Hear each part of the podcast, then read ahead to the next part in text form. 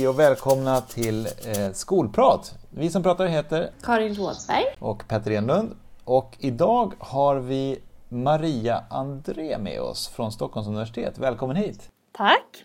Vem är du? Jag är forskare och lärare i naturvetenskapsämnenas didaktik eh, och har hållit på med forskning ganska länge, eh, faktiskt ända sedan eh, år 2000.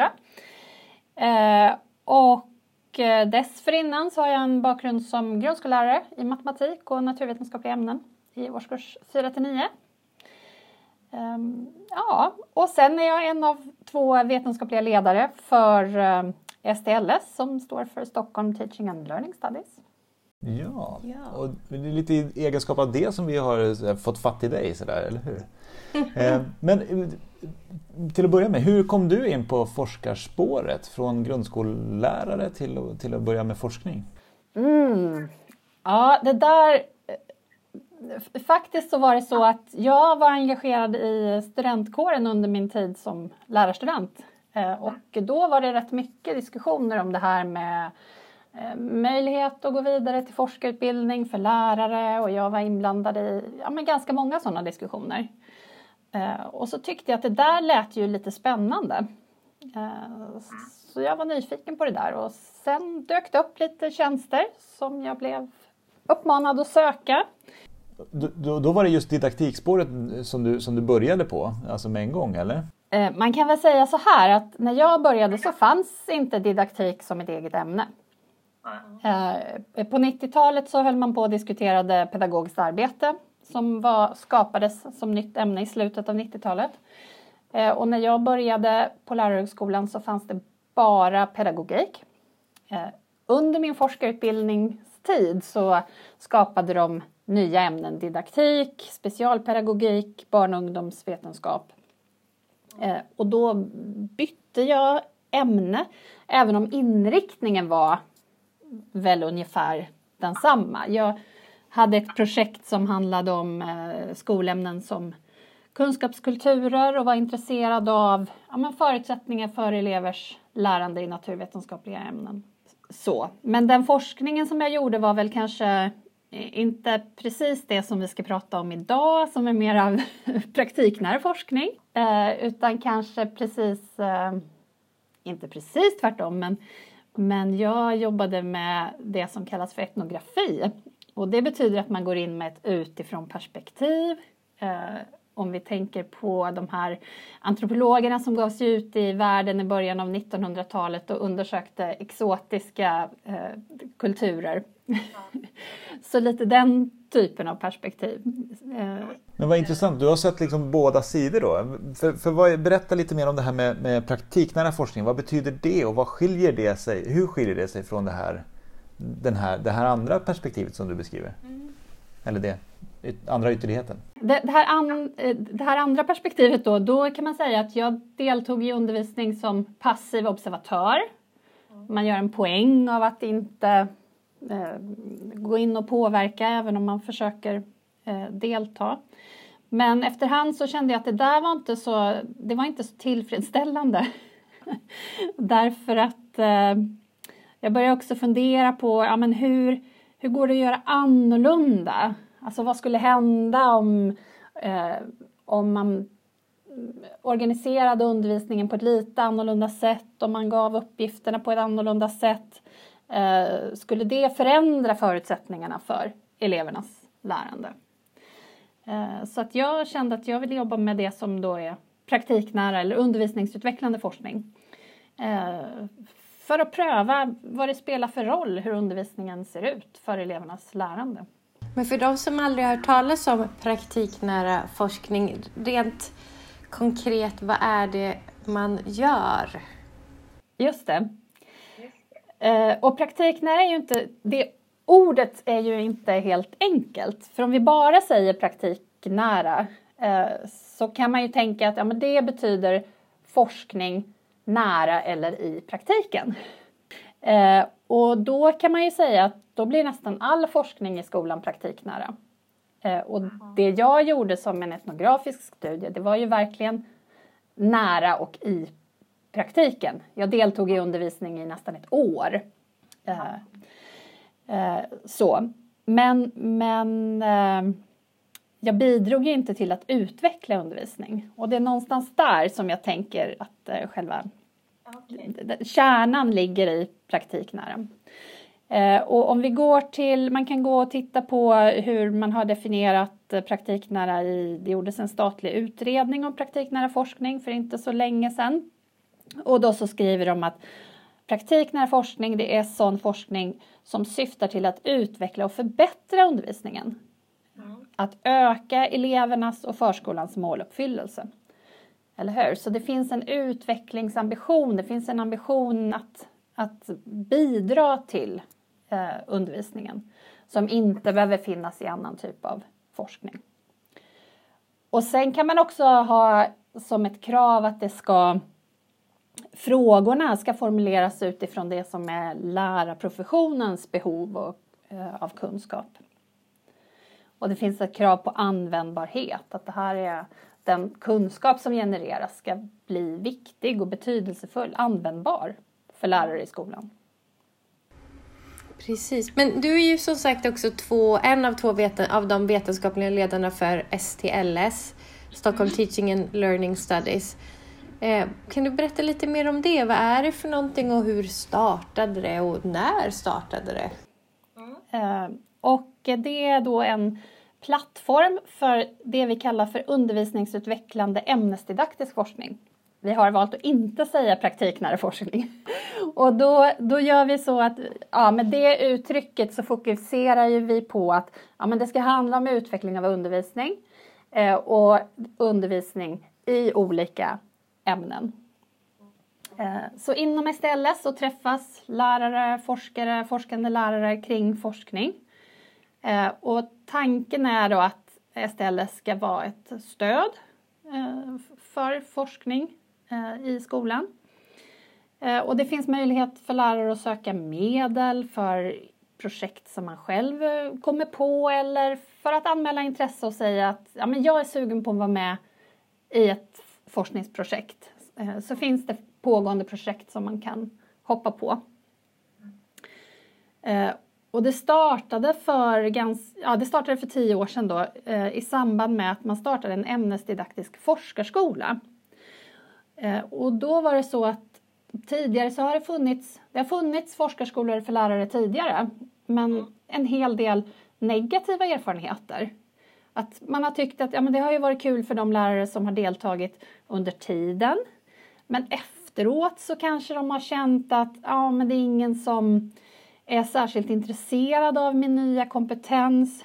Eh, som eh, skolhuvudman så har man kanske känt att vi vet inte riktigt vad vi ska ha de här forskarutbildade lärarna till. Och då var en tanke med STLS att försöka skapa en brygga då mellan forskarutbildningen och skolhuvudmännen och ge lärare som går forskarutbildning en möjlighet att pröva på att arbeta med forskning och utveckling i skolan. Också under handledning och stöd av eh, mer erfarna forskare.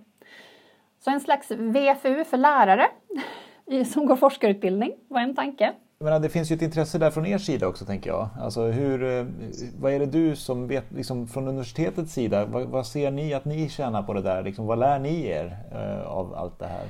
Ja, och då är ju, alltså jag är ju forskare i didaktik.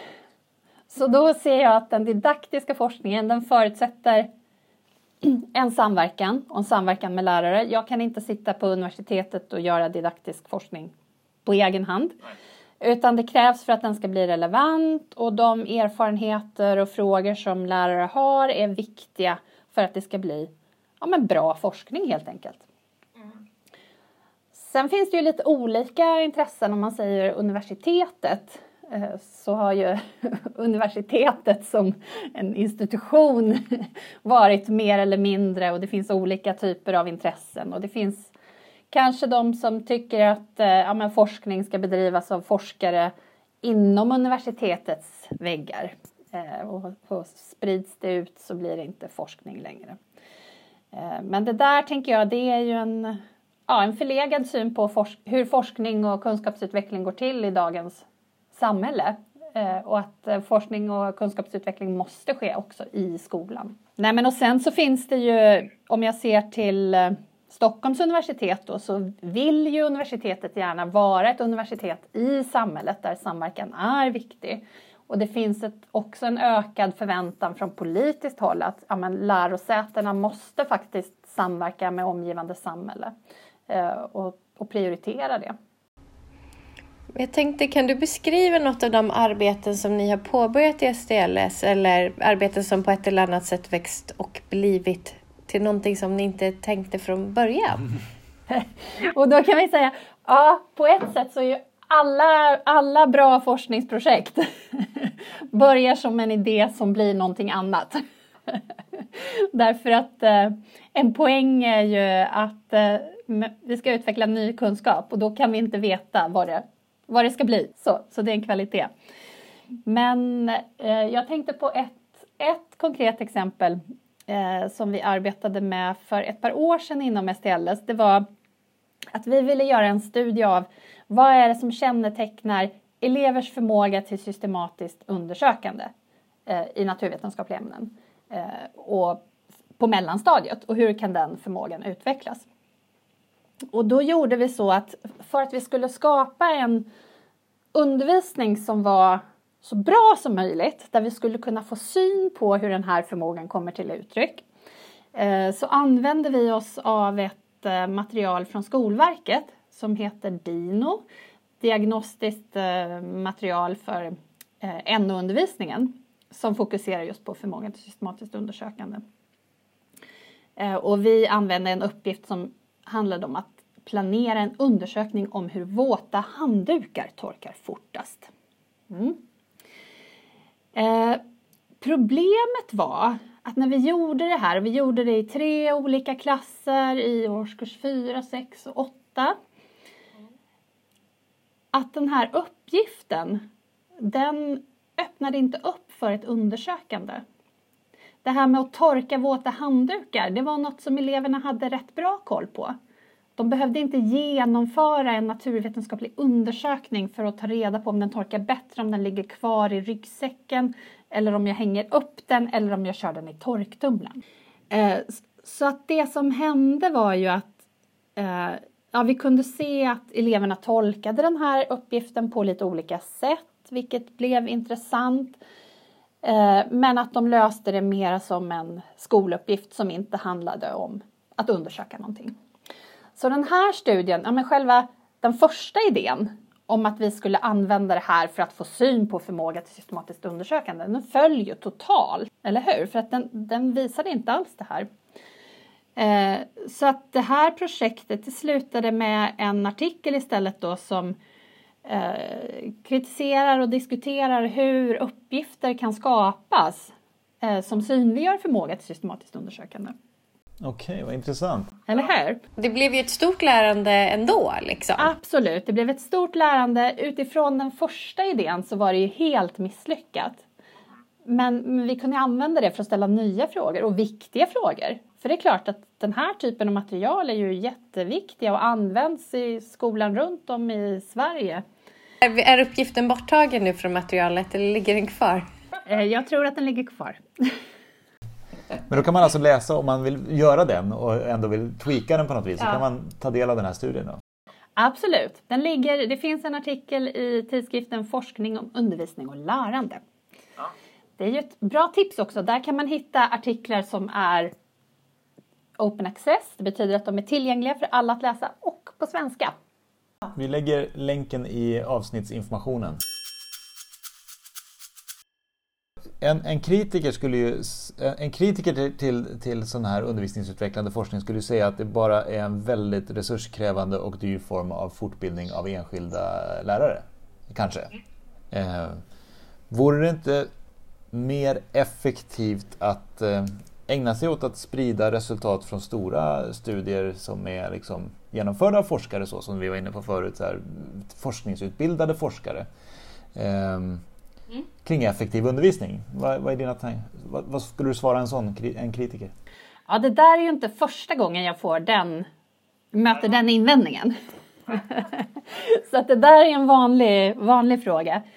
Eh, jag tänker att, ja men för det första då, eh, så behöver man ju ställa sig frågan om, ja men vad är det för typer av studier som behövs?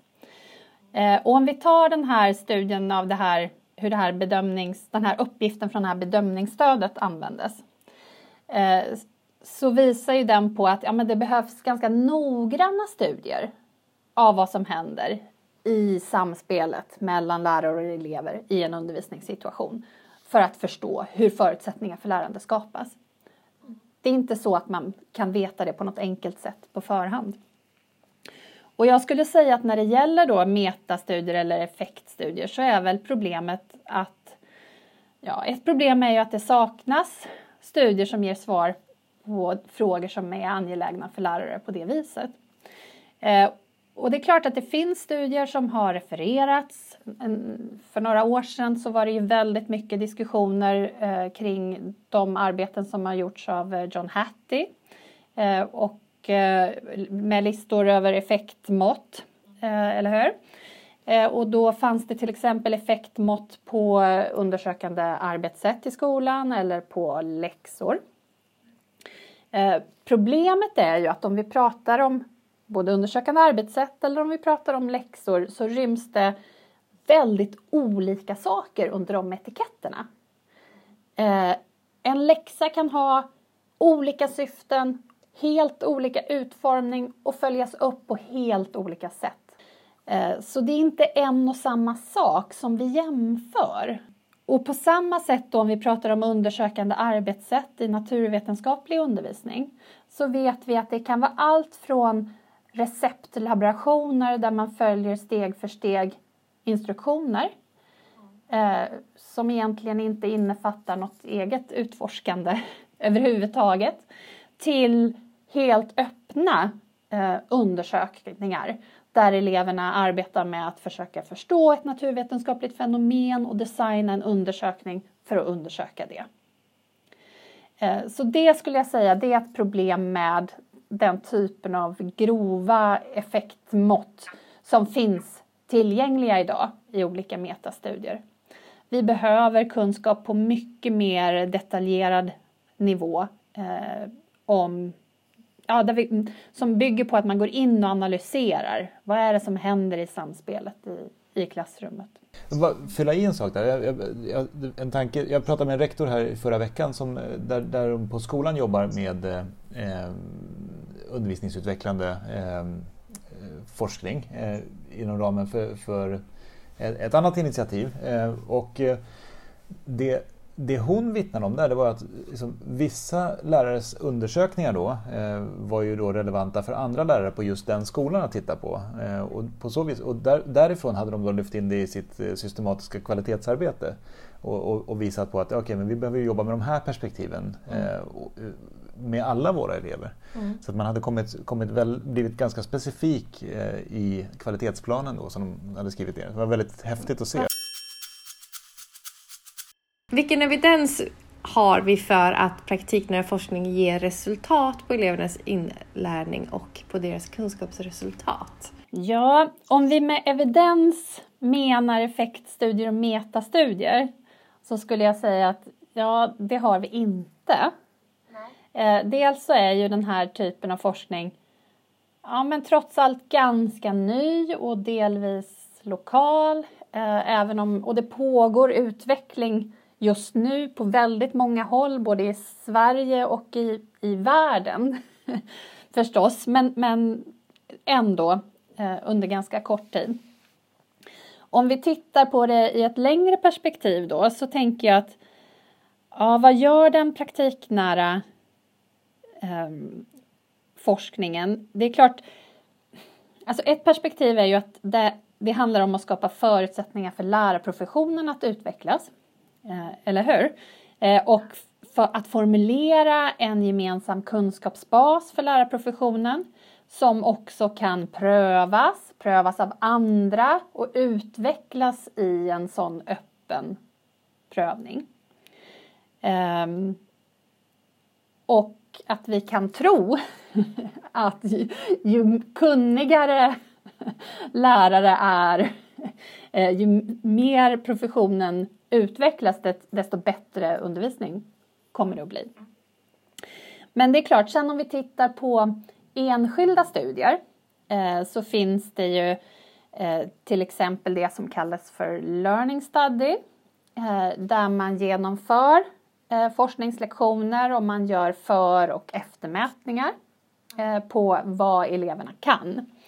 Eh, och då ser vi ju där att väldigt små variationer i hur ett ämnesinnehåll presenteras i en undervisningssituation kan få stora konsekvenser för elevernas lärande.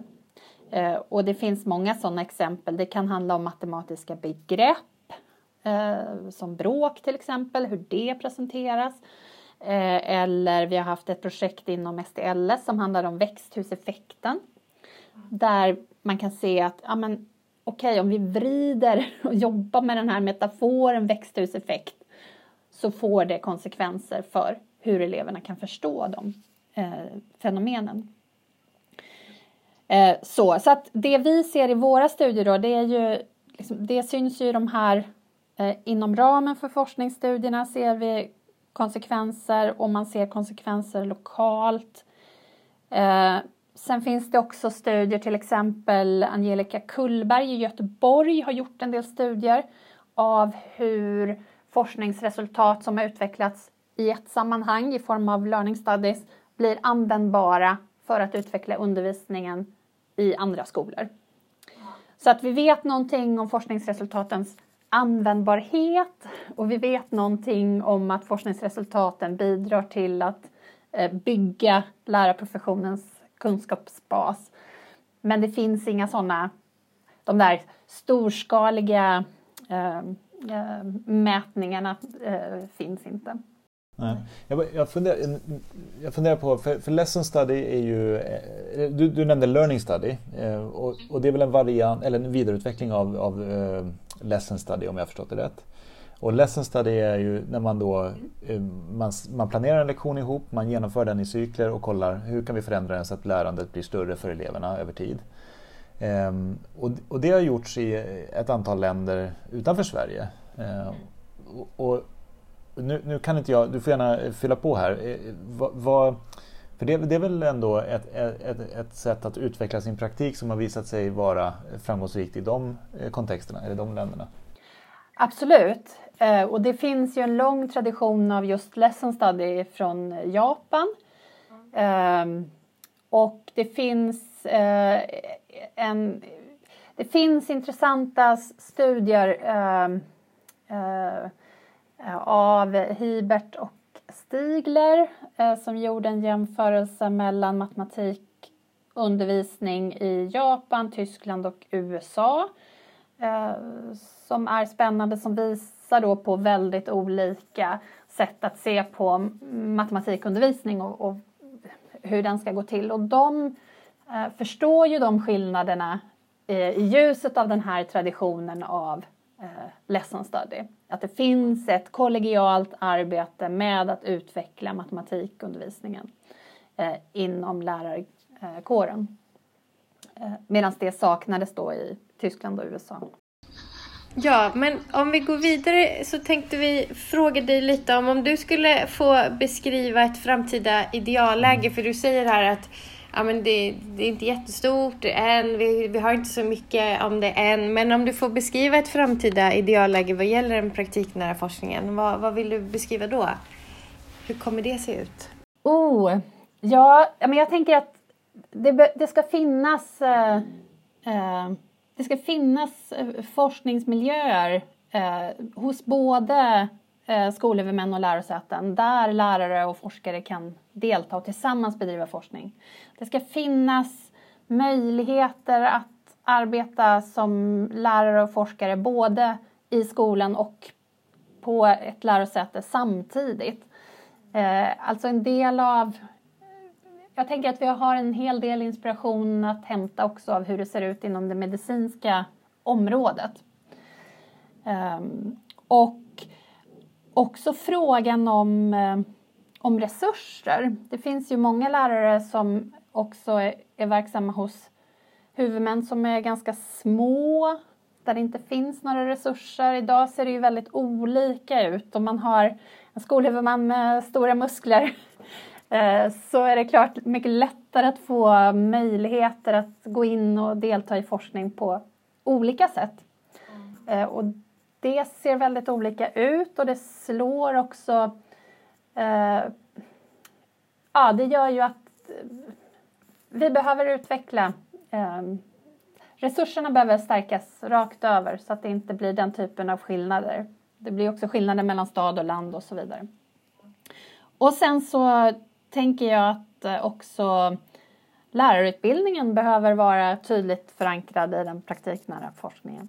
Jag måste bara, du nämnde inspireras av medicinområdet. Eh, medicinområdet. Eh, det har jag hört nämnas. Det, det, det är liksom man, läkare och lärare jämförs ju lite så. Eh, vad menar du? Kan du berätta lite mer om vad du tänker kring, kring det spåret? Ja, det finns ju... Det pågår ju ett stort, en stor försöksverksamhet just nu som vi också är, är delaktiga i som kallas för ULF. Och inspirationen har hämtats från ALF. och ALF är då eh, det avtal som finns mellan stat och eh, landsting eh, kring forskning i klinisk verksamhet. ULF, man kan undra varför de har valt just namnet ULF, men det står för undervisning eller utveckling, lärande och forskning och ska då vara en motsvarighet för skolområdet. Och det betyder att jag som lärare ska kunna delta i forskningsprojekt. Eh, att lärare ska kunna vara med också att utveckla eh, frågeställningar eh, som blir eh, studerade. Eh, och eh, den här frågan om delade tjänster, frågan om hur också hur, hur, kopplar också till lärarutbildning och hur studenter kan möta, under sin utbildning kan möta lärare i skolan som faktiskt deltar i forskning. Till exempel när man ska göra sina examensarbeten eller självständiga arbeten. Att jag kan jobba med en lärare på en skola istället för att sitta på ett eh, universitetsbibliotek i tio veckor. Mm. Spännande. Jätteintressant att få höra dina tankar kring ja. det. Sist men inte minst då, tre saker som du skulle vilja skicka med till lärare eh, och eller rektorer eh, eller då huvudmän kanske till och med eh, kring att använda den här undervisningsutvecklande forskningen eller praktiknära forskningen. Både metoder och kanske resultat. Vad, vad, tre saker får du. Ja, Okej, okay. den första jag skulle säga det är att faktiskt börja läsa forskning. Och då menar jag inte massa forskningssammanställningar utan jag menar också att läsa originalartiklar. Det är en rätt intressant eh, eh, det kan bli en rätt intressant upplevelse. Jag har mött flera lärare och skolledare som har blivit överraskade. Oj, finns det någon som har studerat precis det här som jag går och funderar på? Finns det forskning om det? Så det skulle jag säga är, är nummer ett. Bli, bli överraskad. Kan du, få, du kan, kan du få sätta ihop så här, dina tre favoritlänkar som, som, eh, som du vill skicka ut till lärare? Så kan vi lägga dem i avsnittsinformationen. Det ska jag Vad kul! Eh, och sen då så skulle jag säga att eh, ja, men också var nyfiken på vad som händer i undervisningen. Eh, och att det som är svårt och utmanande det kan utgöra grund för att formulera nya forskningsproblem. Eh, och det här är också ett, ett skifte i att, eh, hur man tänker om eh, lärarroll och undervisning. Att, att när eleverna inte förstår, när de inte förstår växthuseffekten, det behöver inte handla om att jag är en dålig lärare, utan det handlar om att vi har inte tittat på det här med frågan om ja, men vad krävs det för att förstå växthuseffekt. Vi har inte tittat på det tillräckligt noga. Vi behöver mer forskning. Och där behövs det en, mm, många goda krafter som är intresserade av att gå in och göra den typen av forskning. Eh, och nummer tre, eh, håll utkik efter möjligheter att delta i forskning på olika sätt. Och eh, då vet jag att ni har ett eh, tips, ett första steg eller hur? Ja, Lärarnas forskningskonferens, vecka 44, tisdag vecka 44. Tisdag vecka 44 varje år. Precis, och det är ju forskande lärare som kommer och presenterar sina arbeten på olika sätt. Och I år är det tror jag 45 stycken lärare som kommer presentera sina arbeten och då väljer man spår under dagen så där, som man får delta på. Och kan man träffa dig där också, eller hur? Ja, absolut. I år är det på Kunskapsgymnasiet Globen som ligger precis vid Gullmarsplan. Eh, så det är in och, och googla STLS eh, Lärarnas forskningskonferens 2019 så hittar man fram dit. Mm. Ja, men, och det är ett väldigt enkelt sätt och, och roligt eh, sätt att, att få ta del av mm. forskning, att höra de som har gjort forskningen presentera sina resultat. Och få vara med och diskutera. Då kan man också, man, genom att ställa frågor så bidrar man också till att utveckla forskningen. Mm. Just det. Och, och jag, jag, hörde någon som, eh, jag tror att det var någon på, en, en, på lärarnas forskningskonferens eh, något tidigare år som pratade om didaktik som, eh, som, vi, alltså som vår, vår egen forskningsdisciplin. Det, tyckte jag, det tilltalade mig väldigt mycket, just den här professionskunskapen mm. som vi lärare besitter. Och att det är ett sätt för oss, vi, man har pratat ganska länge om den tysta lärarkunskapen mm. och det här. Vad, vad ligger i det att, att, ta 200 beslut på, på 40 minuters undervisning? Liksom? Det, det, det, finns mycket kompetens där. Och, och just att sätta ord på den och stanna upp och reflektera kring vad är det jag behöver förändra då eh, och hur, hur ska jag göra det i just relation till, till mina elever här och nu och det här ämnesområdet. Eh, där, där blir didaktiken och det tycker jag du har beskrivit så himla bra i det, det du har berättat här eh, under intervjun. Jätteroligt! Ja, stort tack Maria för att vi fick prata med dig. Det här var jätteintressant. Och så ses vi på Lärarnas forskningskonferens på tisdag vecka 44. Ja, det gör vi. Exakt. Tack, tack så mycket. Idag. Tack.